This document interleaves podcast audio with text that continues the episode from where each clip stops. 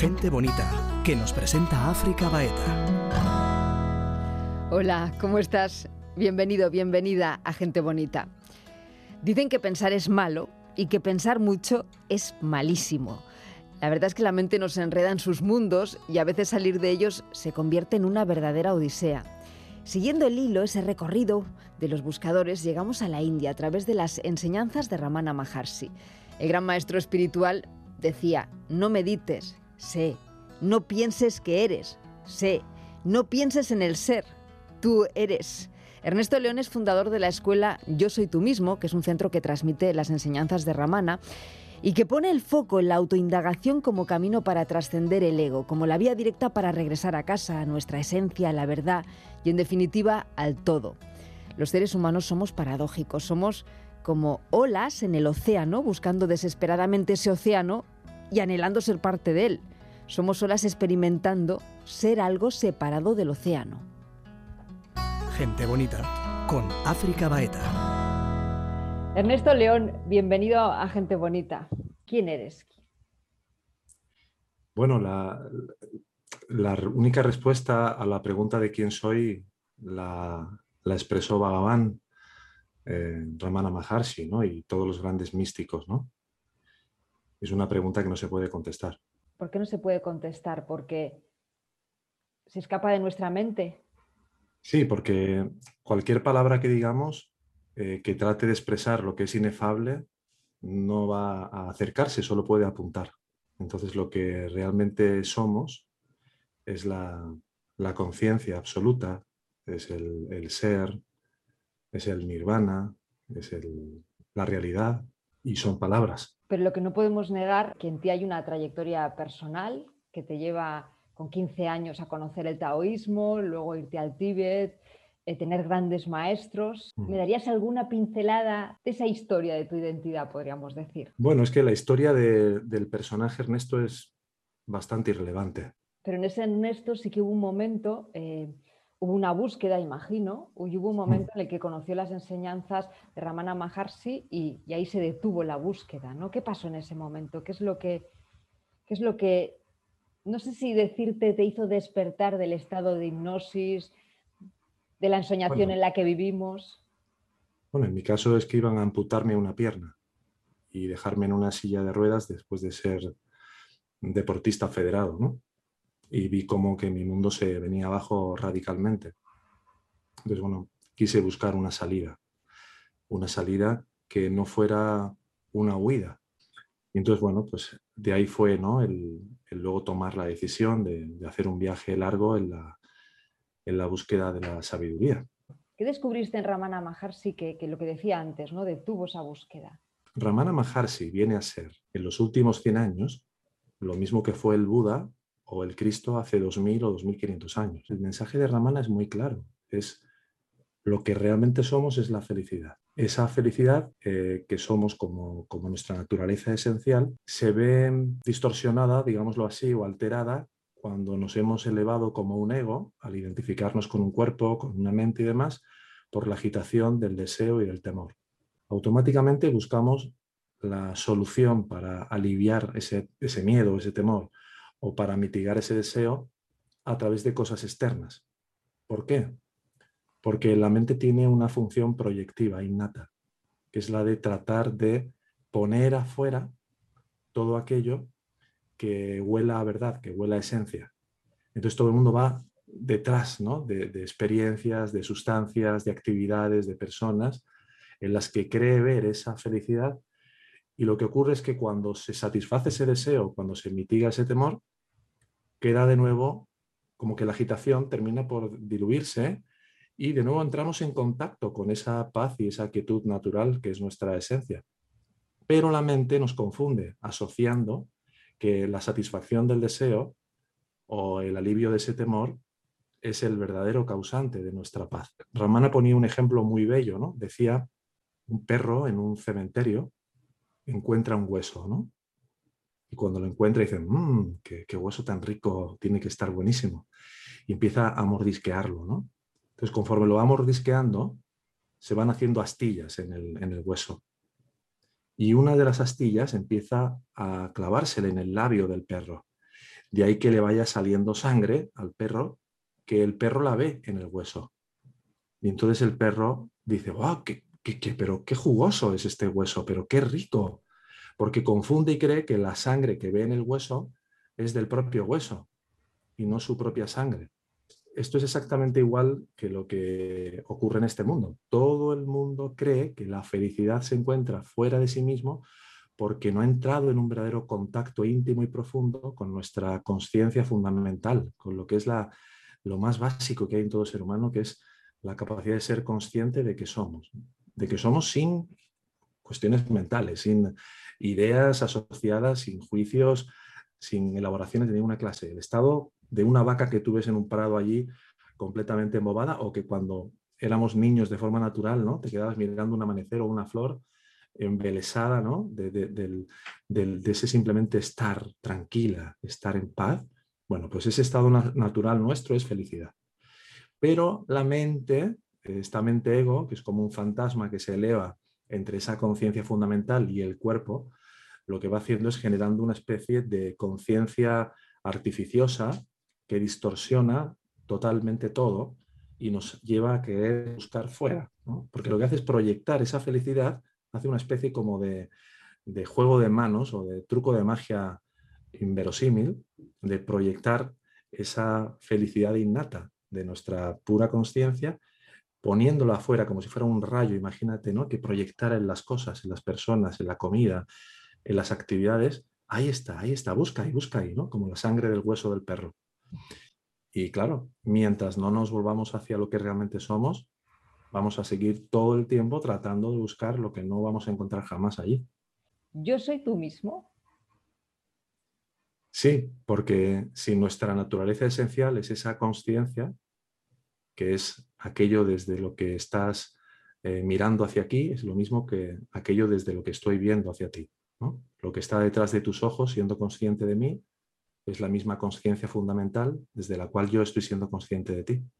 ¿Y cuál es la causa de la, personificación? Siempre tiene su raíz en el ego. Porque cuando le preguntaban a Ramana eh, eh, por qué existe este ego o cómo ha nacido este ego, cuál es la causa de este ego, siempre decía, eh, pregúntate en la vista de quién está surgiendo este ego, a quién le está surgiendo este ego. Y esta es la pregunta y la propuesta más profunda y más trascendental de todas, porque cuando tú te giras a mirar aquello desde lo cual estás siendo consciente, este ego desaparece. Solo parece aparecer mientras nuestra atención está extrovertida, está alejada de nuestro estado natural de conciencia, de simplemente ser. Entonces la personalidad sería la manera particular en la que el ego se define a sí mismo de formas distintas y diferentes a través de todas las personas a través de las cuales se vive. Es curioso porque en el camino de la espiritualidad hay como distintas corrientes, ¿no? Y, el camino de la vía directa, podemos decir, es el que directamente es no dualidad y, y sin concesión alguna al ego. Pero no es necesario el ego para estar en sociedad. Hay un proceso que va siendo gradual, desde un ego muy denso, que está profundamente identificado con la forma en sus aspectos más, eh, podríamos decirlo, más oscuros, hasta que este ego ha llegado a transparentarse lo suficiente como para que en último extremo termine diluyéndose y desapareciendo y siendo totalmente erradicado. Entonces, en esta vía no se nos dice que tratemos de vivir como si no fuéramos un ego, eh, sino que verifiquemos en la medida de lo posible si somos este yo que parecemos ser en medio de cualquier circunstancia o situación cotidiana. Que lo verifiquemos a través de la propia autoindagación. Tú ahora, por ejemplo, imagínate que estás hablando con una amiga, ¿no? Y dices, me siento enferma, ¿no? Y te preguntas, ¿quién, quién está diciendo que me siento enferma? Su respuesta automática va a ser yo, ¿no? Pero si te preguntas a partir de ahí, ¿en dónde está surgiendo este yo? y eres capaz de retirar tu atención completamente hacia la conciencia fundamental que está más allá del cuerpo, de la mente y del mundo, automáticamente te liberas de la ilusión que se forja cuando uno asociado a este cuerpo y a esta mente asume que es el enfermo, la víctima, el eh, engañado o cualquier otra cosa. Ahora, ¿qué ocurre? Que en todo el proceso de nivel en nivel de purificación de nuestra mente que se va produciendo cuando vamos trascendiendo todas las tendencias egoicas de la codicia, del miedo, de la ira, del deseo, de todo lo que nos aleja de esa paz eh, inquebrantable y esencial, uno va viviendo en el mundo, pero lo va haciendo desde un lugar totalmente distinto cada vez más y con un propósito totalmente diferente. Es decir, ya no estoy aquí para ver cómo satisfacer las necesidades de este yo, de este ego. Ya no estoy aquí para darle a este ego todo lo que me pide, todo lo que quiere, sino para trascender la ilusión de que este ego soy yo. Y entonces, en vez de estar, por ejemplo, en una relación para obtener y para adquirir, vas a estar en esa relación para dar. En vez de estar en un trabajo para ver cómo obtener renombre, reconocimiento y aplauso, vas a estar para ver cómo poder ser útil cómo poder servir. Entonces, al cambiar el propósito, cambia radicalmente la, experiencia, como egos todavía. Ese es el verdadero significado de, amar, ¿no? ¿Qué es real? ¿Qué es real, Ernesto? Lo único real, lo real tiene tres, eh, tres características. Es eterno, es algo que, es, que está fuera del tiempo y del espacio, que siempre es idéntico a sí mismo y por lo tanto eh, no puede cambiar, no es algo que aparece y que desaparece y por otro lado es autobrillante. Lo único que brilla por sí mismo y que no necesita de ninguna otra luz para iluminar es la luz de luces, que es la conciencia. ¿Cómo es ese trabajo para ese trabajo personal de autoindagación? Ramana yo creo que le llamaba la, la autoindagación del alma. Atma Vichara implica la autoinspección, pero no la autoinspección de nosotros mismos como personalidad o como mente o como ego, sino mirar directamente y atender directamente a eso que es consciente en ti. Mientras estamos siendo conscientes de cualquier otra cosa, el que está siendo consciente de fenómenos es el ego, aunque esté en parte participado o entremezclado con la conciencia, porque genera lo que se llama chidabasa, que es una especie de pseudoconciencia que pareciera ser eh, lo que nos hace tener una sensación de identidad como cuerpos, ¿no? Pero cuando tú diriges completamente tu atención, la retiras totalmente de cualquier cosa que pueda percibirse hacia aquello que percibe, hacia aquello que es pura conciencia, sin objeto, automáticamente estás en el corazón del corazón de la mística, en el final del camino de cualquier línea espiritual en la que todos los grandes sabios se han terminado encontrando, que es en profundizar en ese silencio interno donde ya no miras la mente, donde ya no atiendes el pensamiento y donde refulges como la pura y la propia luz eterna que no morirá jamás. ¿Dónde nace la búsqueda? Porque en cierta manera la búsqueda se termina en la, en, cuando el ego se trasciende, ¿no? Quiero decir que la búsqueda realmente lo que está reflejando es una carencia. Hay una fase o cuatro. Primera, no estás buscando nada estás aquí totalmente convencido de que eres este cuerpo, de que el, placer y la evitación del dolor te, harán feliz, ¿no? Y, estás, ¿no? Hasta que llega un punto en el cual se inicia la búsqueda. ¿Cuándo se inicia? Cuando se ha llegado a tocar un cierto fondo, un cierto fondo de sufrimiento, de sinsentido, de no entender para qué estamos aquí, empiezan las preguntas fundamentales a surgir, ¿no? Y a partir de ahí uno empieza a buscar, no sabe muy bien qué, pero empieza a buscar alguna solución que realmente alivie este sufrimiento, que alivie este dolor. Luego llega uno a una tercera fase, que es lo que me gusta llamar como la fase del encontrador, ¿no? que es la que sustituye la fase de la búsqueda. Y es aquella en la que después de haber buscado por mucho tiempo, terminas por hallar y encuentras el reconocimiento de tu verdadera naturaleza. Reconoces qué eres realmente, cuál es tu verdadera esencia en tu interior, ya no fuera, ya no buscando fuera, por la búsqueda, sino que te encuentras de verdad contigo mismo. A partir de ahí ya no buscas más, porque ya te has encontrado, pero te das cuenta de que queda una fase que es la más larga de todas. Y es que este ego, como bien decías, no para de querer agarrar formas a través de las cuales vivirse, ¿no? Deseos, miedos, complacencias, eh, victimismos, culpabilidades, de todo. Entonces ahora el trabajo consiste en tratar de ir cada vez más hacia ese silencio del corazón profundo, con un verdadero amor, con una verdadera entrega, y al mismo tiempo ir venciendo todas las pruebas que las basanas, que son las tendencias e inclinaciones de este ego, van a estar todo el tiempo tratando de forjar, ¿no? Tendencias a mm, no poder evitar comer chocolate cuando me siento triste, eh, tendencias a tener que llamar a alguien para sentirme mejor cuando me siento vacío, eh, tendencias a mm, tener relaciones disfuncionales cuando todavía no me di cuenta que estoy autocastigándome a través de ellas, tendencias a, etcétera. Entonces, esta última fase es la fase ya de acoplamiento total, ¿no? Que suele ser gradual, como te decía, desde el despertar, que es lo que mucha gente considera que es el final, no, el despertar es darte cuenta, despertar a quién eres. Pero la autorrealización o moksha o la realización final es cuando termina todo este periplo del, encontrador hasta que finalmente se centra de manera definitiva, total y absoluta en sí mismo y desaparece todo, el mundo, eh, la mente, y todo desaparece porque todo solo puede aparecer en la vista del ego. Cuando el ego es tragado por completo por el océano infinito de amor, que es lo que realmente somos, ya no queda nada, ni nadie, ni nada. Solo quedas tú, que siempre es lo que realmente ha existido, lo único real. ¿Ernesto sufre hoy en día? Ernesto, que es un cuerpo-mente al que se le ha puesto un nombre, es este ego, viviéndose como, como Ernesto. Entonces, eh, hasta que no desaparezca completamente la idea, eh, la percepción de formas separadas, es decir, ¿cuándo se termina el ego? El ego se termina radicalmente y para siempre cuando deja de haber percepción e incluso visión, cuando lo único que hay es el océano infinito de la conciencia sin que aparezcan las diadas y las triadas. ¿Qué son las diadas y las triadas? Una triada, por ejemplo, es yo experimento, hay algo que se experimenta y hay un objeto de experimentación, ¿no? O yo observo, hay algo que se está observando, ¿no?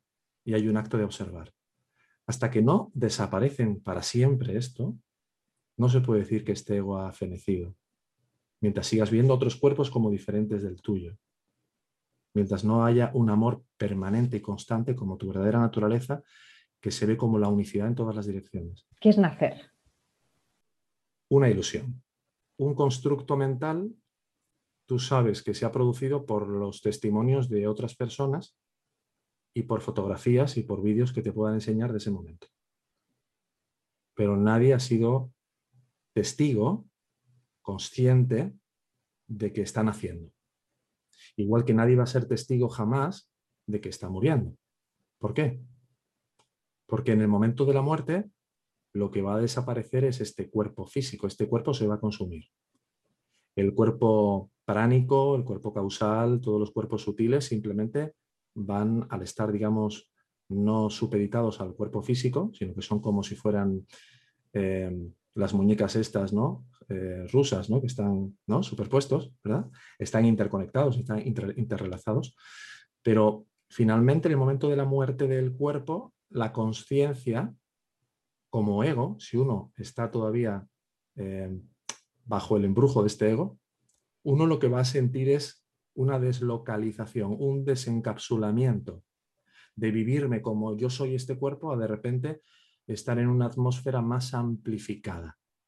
En esa atmósfera más amplificada pueden ocurrir dos cosas. Una, que de manera inmediata se viva un cambio de canal, es decir, que de nuevo este ego vuelva a agarrar una nueva forma inmediatamente y aparezcas como una niña o un niño eh, donde sea o que haya una especie de preludio de velamiento temporal en el que, como en el sueño profundo, mientras estás en un sueño profundo no eres consciente de que eres, salvo en el estado del ñani. ¿no? En un ñani hay una conciencia de ser en cualquier estado y ya se han disuelto, de hecho, todos los estados, ¿no? el estado de sueño profundo, sueño con sueños y vigilia, que son aparentes eh, estados distintos, se terminan por disolver las paredes que parecen separarlos. ¿no? Pero realmente eh, el nacimiento, como la muerte, es una creencia, nada más.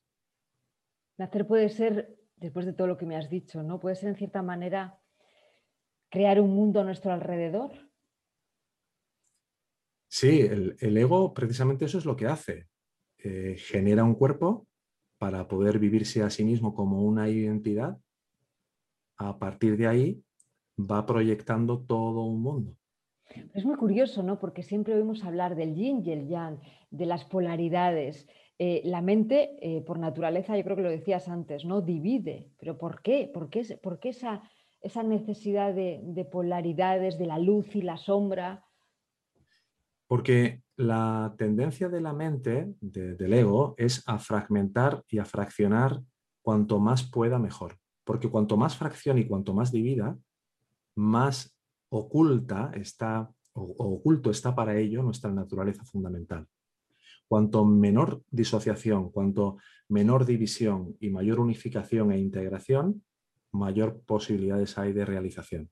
Por eso el ego lo que hace es tratar de dividirse y fragmentarse a sí mismo en, cuantas más formas pueda, en cuantos más eh, seres eh, humanos pueda o animales pueda, porque es como una forma de, de, que sea más difícil encontrar la fuente o la unidad que, realmente es la esencia de todos los seres. Y yo soy luz, ¿por qué no lo sé? Porque has olvidado quién eres. Como has olvidado quién eres y estás mirando en una dirección totalmente opuesta, que es lejos de la luz, es decir, en la dirección de lo que los sentidos con el impulso y la proyección de la propia mente te invitan a mirar, pues empiezas a sentirte cada vez más perdida.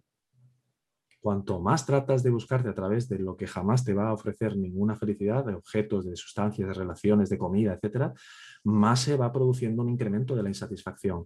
Porque el deseo, como decía el Buda y, y Ramana también, el deseo es una fuente de insatisfacción permanente. Puedes comprobar que el ego no existe en este mismo momento.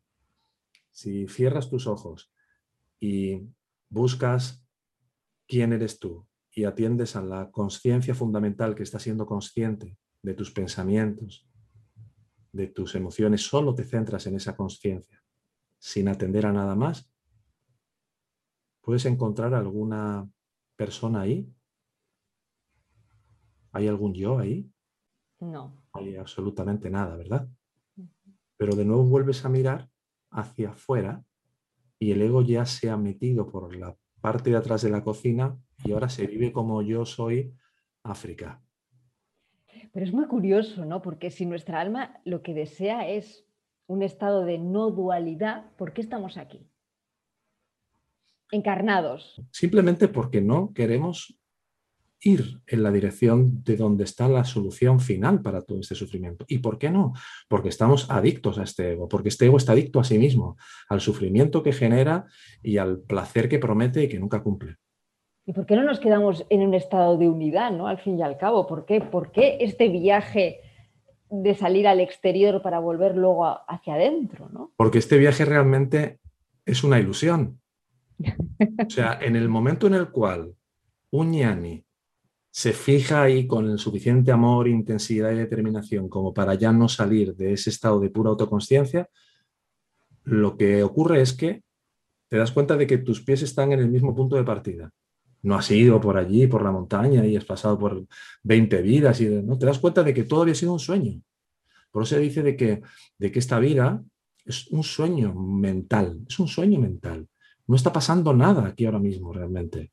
Realmente no está pasando nada, son solo construcciones mentales, imágenes, de palabras que, estoy diciendo, palabras que dices tú, de ideas, de que si hay un viaje, de que si hay una búsqueda, de que si hay un, encontrar, que todo, todo, esto realmente no existe, solo mental. Ahora mismo, si nos centramos en esa conciencia fundamental y dejamos de atender al pensamiento, todo explota por los aires, ni hay proceso, ni hay, ni hay mm, eh, nada. Ahora, para no caer en un bypass espiritual tremendo, ¿no? Y, ya creer que ya no hay que hacer sadhana y que no hay que hacer ninguna práctica y de que tal, Ramana nos advertía muy claramente, mientras sigas creyendo ser este cuerpo, mientras sigas percibiéndote ser una persona, mientras sigas teniendo gustos, apegos, aversiones y demás, tienes que trabajar en ti mismo. ¿Cómo? Puedes hacerlo de muchas maneras, pero si quieres hacerlo de la forma más radical, efectiva y poderosa, practica la autoindagación, que es atiende eso que eres realmente y permanece en ello. ¿Qué es la vacuidad? ¿Qué es el vacío? El, el vacío es todavía un estado que puede ser reconocido y por lo tanto todavía está dentro de un cierto nivel de conciencia, que puede ser un nivel de conciencia más elevado, pero en la enseñanza se nos dice, igual que ocurre en el Zen, que cuando percibas cualquier forma de vacío, te preguntes en la vista de quién está surgiendo este vacío. Porque sin ese yo que dice ver un vacío o sentir un vacío, no habría vacío de ningún tipo. Entonces el vacío es un estadio más de la mente en su proceso de descomposición o de deconstrucción hacia el vacío del vacío. Y el vacío del vacío es la luz de luces, es el amor total. pero el paso previo a esa luz de luces es el vacío. Sí, muchos eh, meditadores hay un punto en el cual eh, se siente un vacío de pensamientos, pero ahí está el yo que lo contempla. ¿Y para qué? ¿Qué sentido tiene la vida? ¿Para qué? ¿Para qué? Quiero decir, lo vuelvo a insistir, ¿no? Quizá te lo pregunto desde, mi ego y mi mente, ¿no? Pero si somos perfectos, si en nuestra esencia está, está el amor pleno, la plenitud, ¿para qué? ¿Para qué tanta parafernalia? Porque al parecer, y es solo una ilusión, como decíamos antes, al parecer parece que hemos querido eh, caer de esa paz perfecta y perpetua y plantearnos, ¿y si fuera posible ¿y si yo fuera algo aparte de Dios? ¿Y yo fuera algo aparte de Atman? ¿Y si yo fuera algo aparte del ser? Es simplemente una especie como de pensamiento ahí, ¿no? Eh, ilusión, pensamiento que, se forja y da lugar como a la, a la idea de que realmente me he podido convertir en un cuerpo y en algo aparte de lo que es mi verdadera naturaleza. Y a partir de ahí se despliega todo el recorrido y todo el proceso para volver al punto original, pero igual que se despliega todo un proceso de ilusiones, de cosas en las que vamos a incurrir y a caer, de miedos, de preocupaciones y demás, desde el mismo momento en el cual pareciéramos habernos separado de nuestra fuente, nuestra verdadera naturaleza, como siempre es y es lo único real, siempre está ahí. Y también despliega todo el proceso de solución y de resolución de este entuerto. Llega un momento, me imagino, que, que cuando ya se ha trascendido completamente el ego, y ya hay unidad total, ¿no? Cuando se llega al estado de, de, ñani, ya no tienes que volver a encarnar nunca más. No, porque el cuerpo es una fabricación del ego. Si se termina el ego, también se termina el cuerpo. No, ya estás en, en tu estado real, como siempre has estado, como nunca has dejado de estar realmente, más que por esa especie de pesadilla en la que solo parecía que ocurría algo mientras parecía ocurrir. Cuando alguien busca, cuando alguien quiere encontrar profundamente la salida de este sufrimiento, nuestro ser interno que está ahí forja en el nivel en el cual puede ser percibido y entendido un determinado avatar, una determinada herramienta. Puede ser un, libro, puede ser una escuela, puede ser eh, algo que te dice, por aquí vas a volver a donde tú eres. Ernesto, tenemos que determinar, ha sido un placer hablar contigo, aprender, reflexionar. Y además me he sentido como una niña eh, repleta de curiosidad haciéndote las preguntas. Me gustaría que cerraras tú esta conversación como te surja. Bueno, pues eh, agradeciéndote por eh, este espacio para hablar de las enseñanzas de Bhagavan. Cuando me, me propusiste la posibilidad de esta entrevista, siempre siento la misma alegría porque el, que haya personas que se puedan dar esta oportunidad de descubrir y de vivir desde el amor de lo que realmente somos es la mayor bendición que yo he vivido y que por lo tanto no puedo desear otra cosa para, para todo el mundo. Muchísimas gracias, Ernesto. Gracias de corazón. Gracias. Que el blanco sea blanco, que el negro sea negro, que uno y uno sean dos exactos son los números. Depende. Estamos de prestado, que hoy el cielo está nublado. Uno nace y luego muere, y este cuento se ha acabado. Depende, depende, de qué depende de según cómo se mire, todo depende, depende, de qué depende, de según cómo se mire, todo depende quieres ver la entrevista completa, te invitamos a entrar en nuestro canal de YouTube Gente Bonita. Y si sigues buscando respuestas, ya sabes, igual las encuentras en ITV Podcast. Qué bonito es el amor, más que nunca en primavera. Y mañana sale el sol, porque estamos en agosto. Depende con el paso del tiempo el vino se hace bueno. Que todo lo que sube baja, de abajo arriba y de arriba abajo. Depende, depende, de qué depende. De según cómo se mire, todo depende. Depende, de qué depende.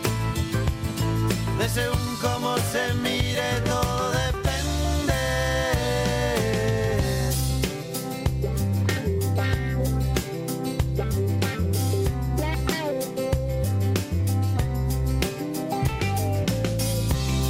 Que no has conocido a nadie que te bese como yo. Que no hay otro hombre en tu vida que de ti se beneficie. Depende. Decir sí, cada vez que abres la boca, que te hace muy feliz, que sea el día de tu boda. Depende, depende, de qué depende, de según cómo se mire, todo depende, depende, de qué depende según cómo se mire todo. Depende,